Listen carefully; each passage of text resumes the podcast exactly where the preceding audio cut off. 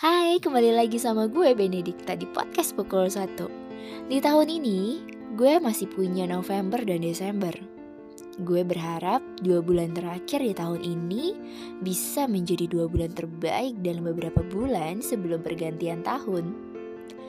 Dan terima kasih untuk bulan-bulan yang sudah terlewati dan juga banyaknya proses pendewasaan. Terima kasih untuk diri ini karena sudah menjadi jiwa raga yang kuat sampai pada titik ini. Dan maaf jika diri ini sudah melangkah terlalu jauh dari diri yang sebelumnya. Sampai jumpa di titik terbaik yang sudah direncanakan Tuhan.